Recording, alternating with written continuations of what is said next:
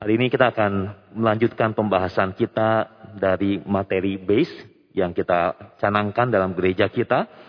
Kita akan membahas kitab 1 Samuel pasal yang ke-9. Hari ini kita membahas kitab 1 Samuel pasal yang ke-9 ayat yang pertama sampai dengan pasal yang ke-10 ayat yang ke-16. Tetapi saya mengundang hari ini kita tidak membaca semua ayatnya, kita akan baca beberapa bagian saja. 1 Samuel 9 ayat 1 sampai 6.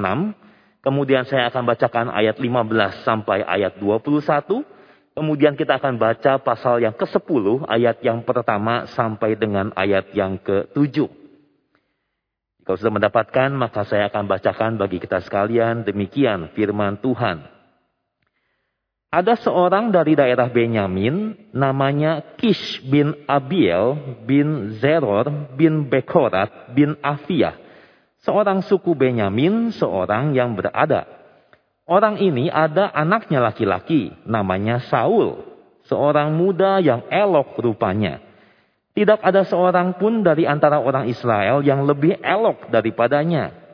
Dari bahu ke atas ia lebih tinggi daripada setiap orang sebangsanya. Kish, ayah Saul itu kehilangan keledai-keledai betinanya. Sebab itu berkatalah Kish kepada Saul anaknya. Ambillah salah seorang bujang, bersiaplah dan pergilah mencari keledai-keledai itu. Lalu mereka berjalan melalui pegunungan Efraim. Juga mereka berjalan melalui tanah Salisa tetapi tidak menemuinya. Kemudian mereka berjalan melalui tanah Sahalim, tetapi keledai-keledai itu tidak ada. Kemudian mereka berjalan melalui tanah Benyamin, tetapi tidak menemuinya. Ketika mereka sampai ke tanah Zuf, berkatalah Saul kepada bujangnya yang bersama-sama dengan dia, "Mari kita pulang. Nanti ayahku tidak lagi memikirkan keledai-keledai itu, tetapi khawatir mengenai kita." Tetapi orang ini berkata kepadanya, tunggu, di kota ini ada seorang abdi Allah, seorang yang terhormat. Segala yang dikatakannya pasti terjadi. Marilah kita pergi ke sana sekarang juga, mungkin ia dapat memberitahu memberitahukan kepada kita tentang perjalanan yang kita tempuh ini. Kemudian ayat yang ke-15. Tetapi Tuhan telah menyatakan kepada Samuel sehari sebelum kedatangan Saul. Demikian. Besok kira-kira waktu ini, aku akan menyuruh kepadamu seorang laki-laki dari tanah Benyamin. Engkau akan mengurapi dia menjadi raja atas umatku Israel dan ia akan menyelamatkan umatku dari tangan orang Filistin. Sebab aku telah memperhatikan sengsara umatku itu karena teriakannya telah sampai kepadaku. Ketika Samuel melihat Saul, maka berfirmanlah Tuhan kepadanya, inilah orang yang kusebutkan kepadamu itu. Orang ini akan memegang tampuk pemerintahan atas umatku. Dalam pada itu Saul datang mendekati Samuel di tengah pintu gerbang dan berkata, Maaf, di mana rumah pelihat itu? Jawab Samuel kepada Saul, katanya, Akulah pelihat itu. Naiklah mendahului aku ke bukit, hari ini kamu makan bersama-sama dengan daku. Besok pagi aku membiarkan engkau pergi dan aku akan memberitahukan kepadamu segala sesuatu yang ada dalam hatimu. Adapun keledai-keledaimu yang telah hilang tiga hari lamanya sampai sekarang, jangan engkau khawatir, sebab telah diketemukan. Tetapi siapakah yang memiliki segala yang diingini orang Israel? Bukankah itu ada padamu dan pada seluruh kaum keluargamu? Tetapi jawab Saul, bukankah aku seorang suku Benyamin, suku yang terkecil di Israel? Dan bukankah kaumku yang paling hina dari segala kaum suku Benyamin? Mengapa Bapak berkata demikian kepadaku? Kita masuk ke dalam pasal 10 ayat yang pertama sampai 7. Lalu Samuel mengambil buli-buli berisi minyak. Dituangnyalah ke atas kepala Saul. Diciumnyalah dia sambil berkata, Bukankah Tuhan telah mengurapi engkau menjadi raja atas umatnya Israel? Engkau akan memegang tampuk pemerintahan atas umat Tuhan dan engkau akan menyelamatkannya dari tangan musuh-musuh di sekitarnya. Inilah tandanya bagimu bahwa Tuhan telah mengurapi engkau menjadi raja atas miliknya sendiri. Apabila engkau pada hari ini pergi meninggalkan aku, maka engkau akan bertemu dengan dua orang laki-laki di dekat kubur Rahel di daerah Benyamin di Zelzah. Mereka akan berkata kepadamu, Keledai-keledai yang engkau cari itu telah diketemukan dan ayahmu tidak memikirkan keledai-keledai itu lagi. Tetapi ia khawatir mengenai kamu, katanya. Apakah yang akan kuperbuat untuk anakku itu? Dari sana engkau akan berjalan terus lagi dan sampai ke pohon tarbantin tabor. Maka di sana engkau akan ditemui oleh tiga orang laki-laki yang naik menghadap Allah di Betel. Seorang membawa tiga ekor anak kambing, seorang membawa tiga ketul roti, dan yang lain lagi sebuyung anggur. Mereka akan memberi salam kepadamu dan memberikan kepadamu dua ketul roti yang akan kau terima dari mereka. Sesudah itu, engkau akan sampai ke Gibean Allah, tempat kedudukan pasukan orang Filistin. Dan apabila engkau masuk kota, engkau akan berjumpa di sana dengan serombongan nabi yang turun dari bukit pengorbanan dengan gambus, rebana, suling, dan kecapi di depan mereka. Mereka sendiri akan kepenuhan seperti nabi. Maka roh Tuhan akan berkuasa atasmu engkau akan kepenuhan bersama-sama dengan mereka dan berubah menjadi manusia lain. Apabila tanda-tanda ini terjadi kepadamu, lakukanlah apa saja yang didapat oleh tanganmu, sebab Allah menyertai engkau. Sampai semikian jauh pembacaan firman Tuhan pada malam hari ini. Nah Bapak Ibu Saudara jemaat yang dikasih oleh Tuhan, apakah saudara pernah mengalami peristiwa-peristiwa yang saudara kemudian namakan sebagai kebetulan. Sebagai kebetulan. Dan bagaimana saudara kemudian menilai kebetulan-kebetulan dalam hidup saudara. Bapak Ibu jemaat sekalian, ada orang yang berpendapat bahwa kata kebetulan itu kurang kristiani. Ya, karena kata kebetulan itu mengimplikasikan adanya sebuah probabilitas, kemungkinan. Maksudnya bahwa sebetulnya kemungkinan itu sangat kecil bisa terjadi. Tetapi ya tidak tahu bagaimana bisa saja pas terjadi. Jadi kalau ada sebuah kebetulan terjadi ya kita nggak usah heran. Ya entah mengapa pas bisa kejadian itu e, ada. Tapi saudara bagi orang yang percaya Tuhan, kita percaya bahwa di balik kebetulan itu ada pengaturan Tuhan. Ya, sudah mungkin kita suka mendengar istilah itu ya, tidak ada yang kebetulan. Semua itu di dalam pengaturan Tuhan. Jadi kebetulan-kebetulan dalam hidup ini bisa menjadi keajaiban-keajaiban. Ya, di mana karya Tuhan itu kemudian menjadi nyata dalam hidup kita. Nah inilah yang kita lihat di dalam pasal yang ke-9 ini ketika Saul kemudian diurapi menjadi raja oleh Samuel. Sudah pasal sebelumnya, ya kalau kita mengikuti uh, materi base ini, ya kita sudah belajar bagaimana tua-tua bangsa Israel itu menghadapi uh, menghadap Samuel. Dan kemudian mereka menyatakan keinginannya untuk memiliki seorang raja. Lalu kita melihat Samuel sangat kesal dengan permintaan itu dan Tuhan merasa ditolak oleh bangsa Israel. Nah, meski sudah diberikan peringatan tentang resiko memiliki raja, bangsa Israel tetap bersikeras, bersikukuh dengan permintaan mereka. Dan mereka tidak mau mendengarkan eh, perintah atau peringatan Tuhan. Tetapi hal yang kita lihat, Tuhan menyuruh Samuel untuk mendengarkan permintaan Israel mengangkat seorang raja. Dan di akhir pasal 8, Samuel menyuruh orang-orang Israel itu pulang ke tempat mereka masing-masing. Nah, waktu kita membaca bagian ini, kita mendapati bahwa diam-diam Tuhan mempersiapkan seseorang yang akan diurapi untuk menjawab permintaan bangsa Israel. Pasal 9 dibuka dengan latar belakang keluarga Saul. Kita sudah baca ya bahwa Saul itu dari suku Benyamin. Ayahnya itu bernama Kish, seorang yang berada. Nah, kemudian penulis menggambarkan perawakan Saul. Dia seorang muda yang elok, eh, sangat ganteng, tampan rupanya. Lalu dia seorang yang tinggi juga. Ya, dari bahu ke atas dikatakan dia lebih tinggi daripada semua orang sebangsanya. Jadi saudara kalau bayangkan, ya mungkin dia bisa menjadi seorang idol begitu ya. Orang yang gagah dan ganteng, betul-betul impresif secara fisik. Nah, Kis kemudian menghadapi sebuah masalah, yaitu apa? Bahwa dia kehilangan keledai-keledai betinanya. Saudara dalam konteks masa itu, ini sesuatu hal yang serius, ya, karena itu berarti dia banyak sekali kehilangan hartanya. Maka disuruhnya lah anaknya, yaitu Saul, beserta dengan bujangnya, untuk mencari keledai-keledai yang terhilang itu. Nah, dimulailah pencarian Saul akan keledai-keledai tersebut. Selama kira-kira kita baca tadi tiga hari lamanya.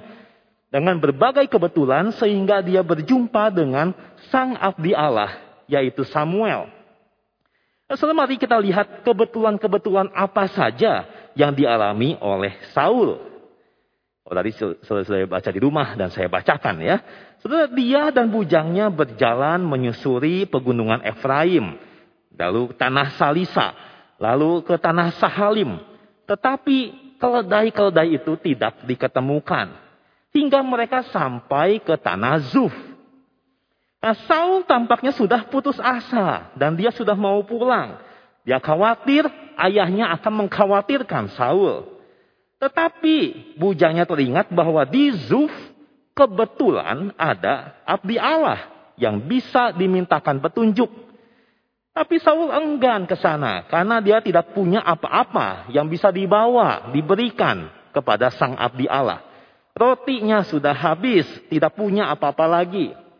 Eh, kebetulan bujang itu masih punya seperempat sikal perak. Nah, Saul pun setuju untuk menemui abdi Allah itu. Lalu ketika mereka mendaki jalan, pas kebetulan ketemu dengan gadis-gadis yang keluar hendak menimba air.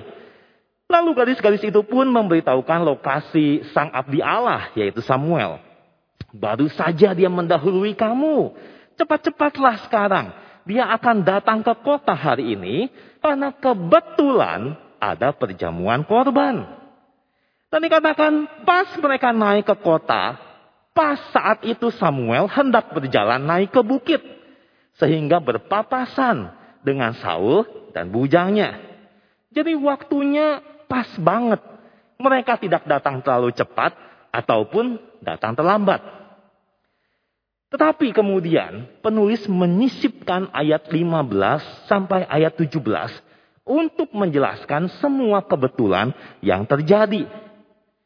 Ternyata tadi kita sudah baca, Tuhan sudah menyatakan kepada Samuel satu hari sebelumnya tentang kedatangan Saul.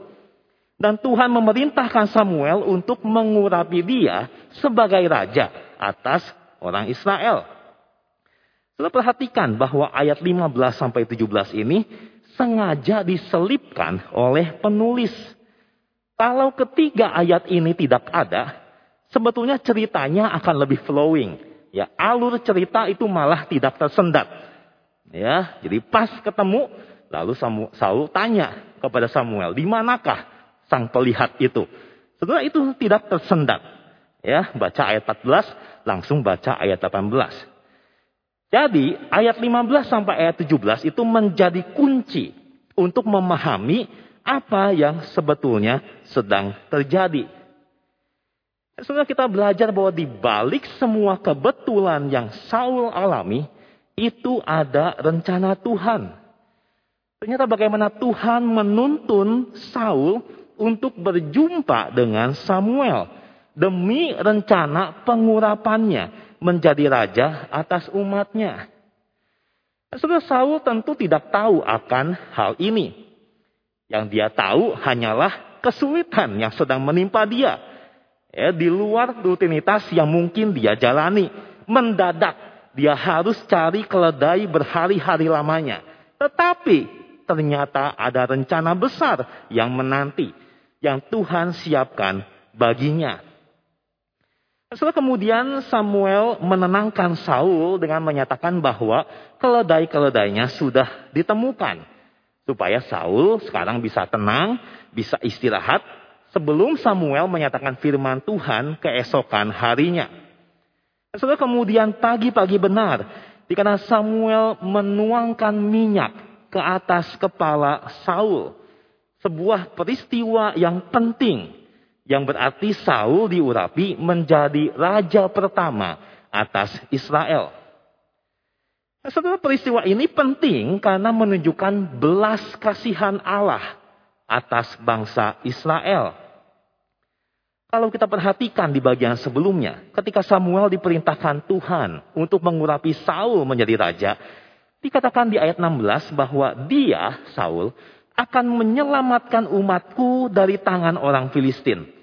Sebab aku telah memperhatikan sengsara umatku itu, karena teriakannya telah sampai kepadaku. Meskipun orang-orang Israel sudah menolak untuk mendengarkan perintah Tuhan, menolak mendengarkan peringatan dari Allah sebagai raja itu, penolakan itu tidak membatalkan, tidak menggugurkan belas kasihan Tuhan atas mereka. Tidak berarti bahwa Tuhan kemudian tutup mata atas kejahatan dan kedegilan hati bangsa Israel. Tetapi kasih setia Tuhan itu jauh lebih besar daripada kedegilan bangsa Israel. Ketika mereka berteriak kepada Tuhan, memohon pertolongannya. Ketika Tuhan mendengar, dia peduli, Tuhan memperhatikan. Dan ketika Tuhan memperhatikan, maka dia bertindak. Dia mengangkat Saul untuk melepaskan Israel dari musuh-musuh mereka. Nah, sesudah Saul diurapi menjadi raja, kemudian Samuel menyampaikan tanda bagi Saul. Dikatakan ada tiga peristiwa yang akan terjadi. Dan jika semua ini terjadi, maka hal ini menjadi tanda bahwa Tuhan sungguh mengangkat Saul menjadi raja. Yang pertama dikatakan tadi kita sudah baca, engkau akan ketemu dengan dua orang laki-laki di dekat kubur Rahel. Lalu mereka akan ngomong berkata, keledai-keledai yang engkau cari sudah ditemukan. Dan sekarang ayahmu tidak lagi khawatir tentang keledai-keledai itu, tetapi khawatir tentang kamu. Yang kedua, dari sana engkau akan berjalan sampai ke pohon tarbantin tabor.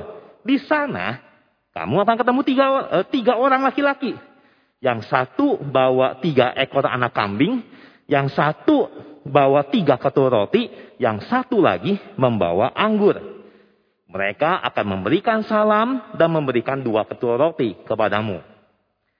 Ketiga, sesudah itu engkau akan sampai ke Gibea, lokasi pasukan orang Filistin.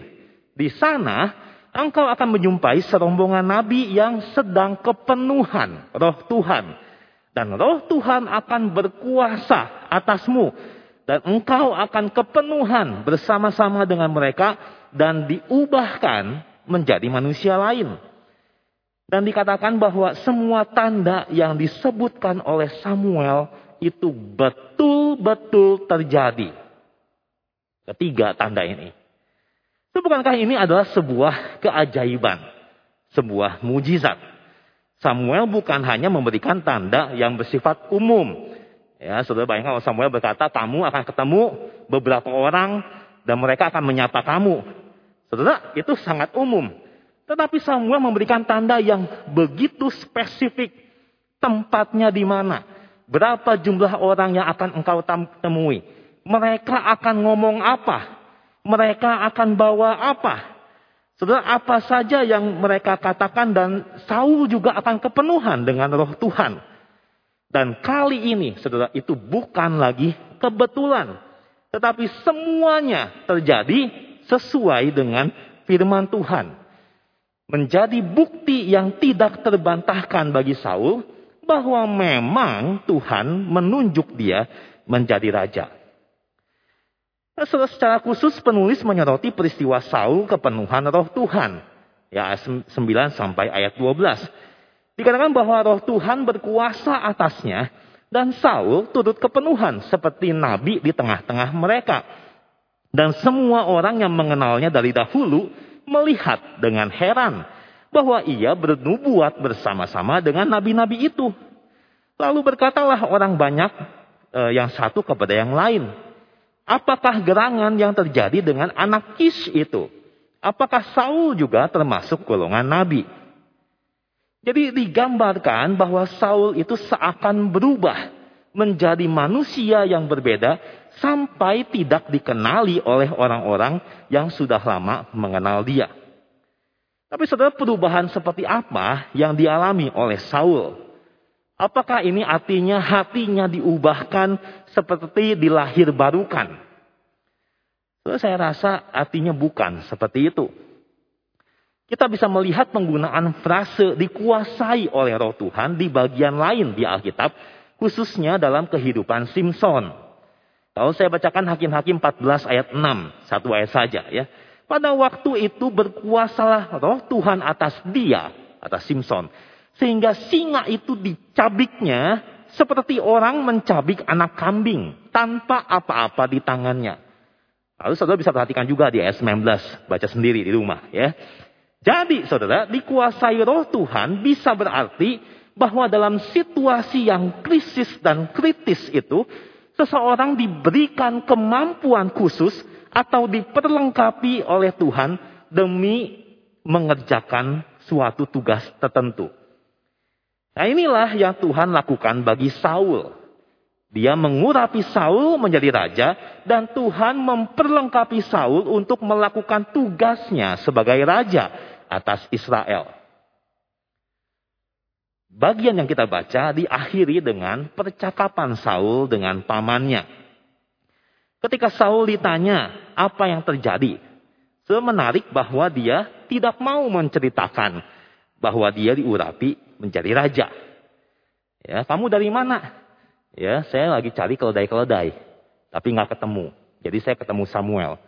Wah, jadi apa yang Samuel katakan kepadamu? Ya keledai-keledai itu ketemu.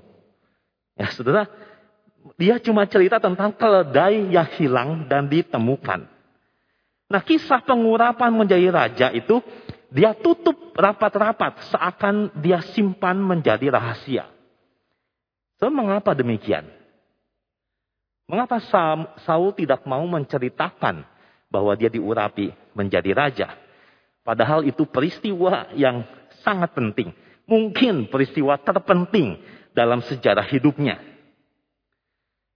So, saya duga, saya duga ya, Saul sungkan menceritakan hal tersebut karena Saul merasa dirinya betul-betul tidak layak menjadi raja.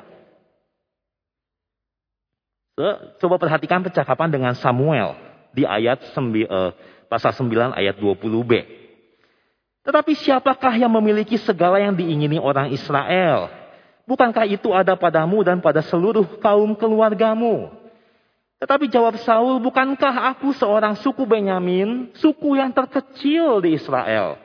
Dan bukankah kaumku yang paling hina dari segala su, uh, kaum suku Benyamin? Mengapa Bapak berkata demikian kepadaku? Itu perhatikan betapa Saul itu merasa diri tidak layak, tidak pantas dari suku yang paling kecil. Dan dari suku yang paling kecil, saya ini dari kaum yang paling hina. Seperti sepertinya Saul itu sangat minder. Ya, Saul itu sangat rendah diri. Nah, sangat mungkin Saul merasa bahwa dia berasal dari latar belakang yang tidak baik atau latar belakang yang hina. Nah, sebenarnya saya ingin sedikit menjelaskan ada apa dengan suku Benyamin. Jika kita membaca kitab sebelumnya, yaitu kitab Hakim-Hakim, kita bisa melihat bahwa suku Benyamin pernah mengalami perang saudara dengan semua suku dari bangsa Israel yang lain akibat dosa yang dilakukan oleh orang-orang dari sukunya. Saudara bisa baca di rumah nanti ya pasal 19 sampai 21 kitab Hakim-Hakim. Saudara itu ada kisah seorang perempuan dikarenakan selir dari seorang Lewi yang diperkosa oleh orang-orang suku Benyamin perempuan itu diperkosa semalam-malaman sampai pagi sampai perempuan itu mati. Dan dikatakan hal yang belum pernah terjadi dan belum pernah terlihat sejak orang Israel berangkat keluar dari tanah Mesir sampai sekarang. Yesus bisa bayangkan betapa keji dan hebat dosa yang dilakukan oleh orang-orang suku Benyamin itu. Nah ketika suku-suku lain dari bangsa Israel meminta agar orang-orang yang berbuat dursila itu diserahkan supaya mereka dihukum mati. Setelah suku Benyamin ternyata menolak. Suku Benyamin malah melindungi orang-orang jahat itu. Sehingga terjadilah perang saudara. Dan suku Benyamin itu dihabisi sampai hampir punah. Dan selalu di manakah tepatnya dosa atau kejian itu terjadi? Di Gibea. Saya bacakan Hakim-Hakim 20 ayat 4. Lalu orang Lewi, suami perempuan yang terbunuh itu menjawab, Aku sampai dengan gundiku di Gibea, kepunyaan suku Benyamin, untuk bermalam di sana. Lalu warga-warga kota Gibea itu mendatangi aku, mengepung rumah itu pada malam hari untuk menyerang aku. Mereka bermaksud membunuh aku, tetapi gundiku diperkosa mereka sehingga mati. Gibea.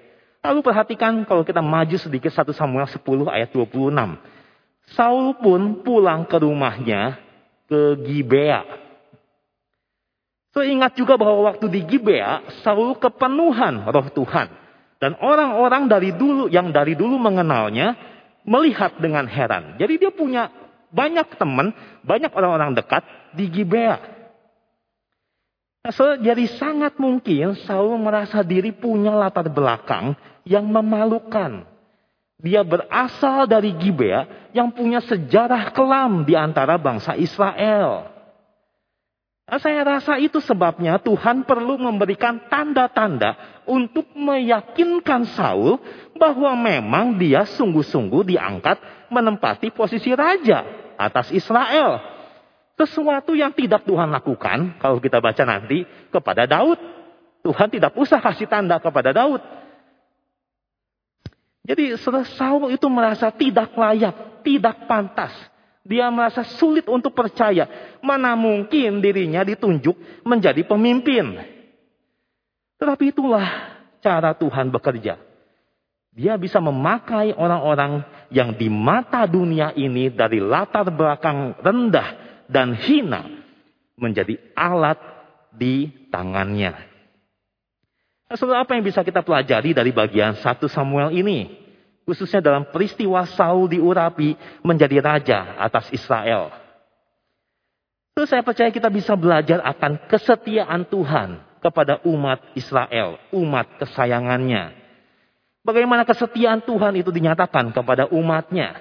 Yang pertama, secara cepat saudara, tangan Tuhan bekerja menggenapi rencananya meskipun tidak selalu jelas terlihat oleh manusia. Tuhan terkadang bekerja diam-diam tanpa pengumuman. Tuhan tidak selalu berkarya dengan cara yang spektakuler. So, kita mungkin ingin tahu dengan jelas cara Tuhan bekerja. Ke mana kita harus melangkah. Tetapi sering kali kita tidak bisa memahami pola Tuhan bekerja sering kali justru menjadi misteri bagi kita. Tetapi biarlah misteri ini membawa kita untuk semakin berserah kepada Tuhan. Tetap percaya kepadanya dan menyembah dia. Karena cara dia bekerja di luar pemahaman nalar kita yang sangat terbatas. So, terkadang setelah peristiwa-peristiwa yang kebetulan itu lewat, kita baru bisa melacak jejak-jejak pimpinan Tuhan. Dan melihat bahwa rencana Tuhan itu indah. Tetapi jika kita belum bisa menemukan jejak-jejak itu, tetaplah mencari keledai-keledai yang hilang. Tetaplah berserah dan tetaplah beriman kepada Tuhan. Yang kedua, Tuhan tetap memberikan pertolongannya meskipun umat Tuhan terkadang menolak dia sebagai raja. Sekali lagi, Tuhan tetap memberikan pertolongannya meskipun umat Tuhan terkadang menolak dia sebagai raja. Saudara, ini bisa menjadi sebuah pernyataan yang berbahaya. Ya, karena seakan membuka celah bagi umat Tuhan untuk bisa melakukan dosa apa saja dan tetap mendapatkan kasih setia dari Tuhan. Tetapi saudara kita harus ingat bagian-bagian sebelumnya. Ya, di mana Tuhan menghendaki kekudusannya itu dipelihara oleh umatnya. Dan dia tidak segan-segan menyatakan penghukumannya kepada anak-anak Imam Eli sebagai sebuah bentuk disiplin. Demi menegakkan kekudusannya di tengah-tengah bangsa Israel. Tuhan tidak pernah mengkompromikan kesuciannya. Tetapi Tuhan juga adalah Allah yang setia pada perjanjiannya. Penuh kasih kepada umatnya. Ketika di dalam kesesakan bangsa Israel itu berseru kepada Tuhan. Teriakan mereka, tangisan mereka itu sampai ke telinga Tuhan. Dan Tuhan memperhatikan mereka. Dan Tuhan bertindak untuk mereka. Saudara, bukankah kebenaran ini dapat memberikan kita penghiburan yang besar? Itu sebagai anak-anak Tuhan, kita mendapatkan jaminan keselamatan. Tetapi di dalam menjalankan kehidupan sebagai anak-anak Tuhan, kita masih bisa jatuh ke dalam dosa, hidup tidak taat kepada Dia. Dan ketika kita di dalam kesesakan dan kita berteriak kepadanya, masihkah Tuhan mau mendengar? Masihkah Tuhan mau menolong kita? Ya, saudara, Dia adalah Tuhan yang setia dan sedia untuk menolong umatnya. Akuilah dosa kita dan segeralah bertobat. Dan di tengah pergumulan yang berat berserulah kepada Tuhan. Dia adalah Allah yang peduli. Dia memperhatikan sengsara kita. Dan dia akan bertindak pada waktunya. Ibrani pasal 4 ayat 16 mengingatkan kita. Marilah kita dengan penuh keberanian menghampiri tahta kasih karunia. Supaya kita menerima rahmat dan menemukan kasih karunia untuk mendapat pertolongan kita pada waktunya. Yang ketiga yang terakhir saudara. Tuhan dapat memakai siapa pun yang ingin dia pakai. Meskipun orang itu tidak dipandang oleh dunia. Tuhan mengangkat Saul menjadi raja atas Israel. Suatu anugerah yang sangat besar. Padahal siapakah Saul? Meskipun secara fisik sangat impresif, tapi dia berasal dari suku yang betul-betul kecil dan hina di antara semua bangsa Israel. Dia sendiri menilai diri tidak layak dan tidak pantas. Tapi Tuhan jadikan dia pemimpin Israel. Saudara bagaimana dengan kita? Tentu kita mesti hati-hati dalam menafsirkan. Ya, tidak berarti kalau Saul jadi raja, berarti kita semua orang Kristen pasti Tuhan jadikan pemimpin. Saudara kalau semua pemimpin, siapa yang jadi bawahan? Tapi prinsip yang penting adalah Tuhan juga mau pakai kita. Setiap kita jika kita sungguh-sungguh anak-anaknya menjadi alat di tangannya. Sesungguhnya kita ini tidak layak dan tidak akan pernah layak. Tetapi Tuhan yang layakkan kita. Dia berikan anugerah keselamatan dan Tuhan juga berikan kita karunia Roh Kudus untuk melayaninya, membangun tubuh Kristus. Pertanyaannya, apakah engkau dan saya menghargai anugerah Tuhan dan bekerja giat bagi kerajaannya.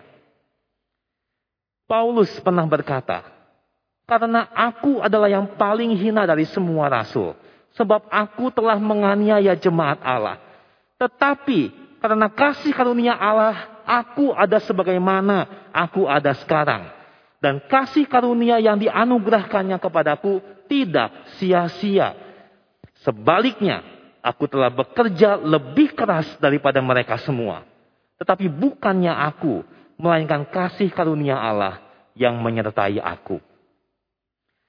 So, saya khawatir bahwa bagi sebagian kita saat ini, bukannya merasa tidak layak untuk melayani Tuhan, tapi justru tidak melihat anugerah Tuhan, kesempatan bekerja bagi dia, itu sebagai sesuatu kesempatan yang sangat berharga seakan bekerja untuk perusahaan ternama itu jauh lebih bergengsi, jauh lebih memberikan reward daripada bekerja di ladang Tuhan.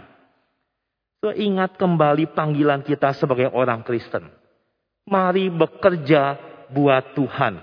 Minta Tuhan pakai kita supaya hidup kita ini ada gunanya. Berguna bagi kerajaan Tuhan.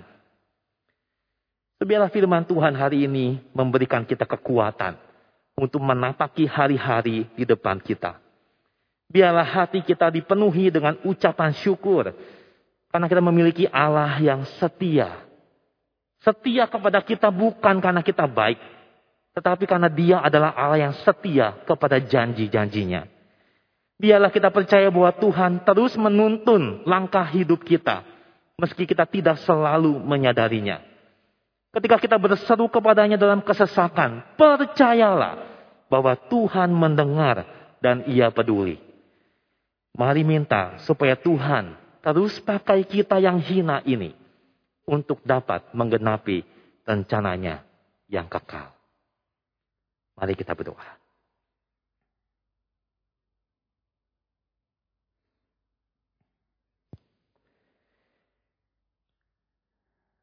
Tuhan kami bersyukur untuk firman Tuhan yang kami baca, kami dengar pada malam hari ini.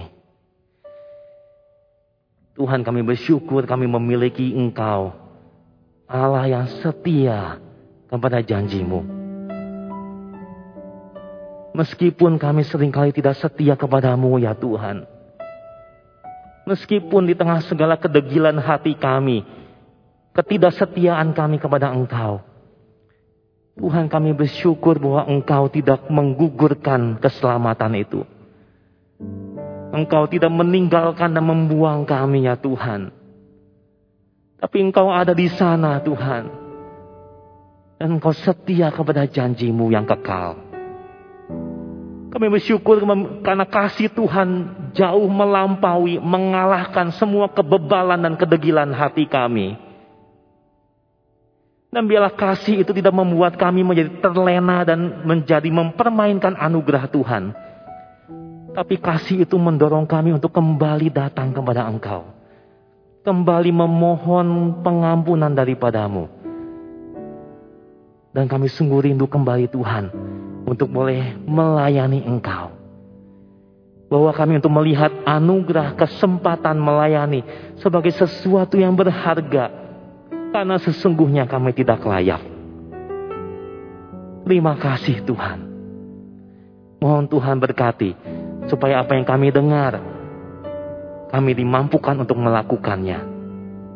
Dan biarlah hidup kami menjadi hidup yang kami persembahkan kepada Engkau. Dan kami sungguh rindu kami melihat tangan Tuhan yang tidak terlihat itu boleh membentuk kami. Kami senantiasa terpesona dan menyembah Allah yang hidup itu. Terima kasih ya Bapak. Di dalam nama Tuhan Yesus kami berdoa. Amin.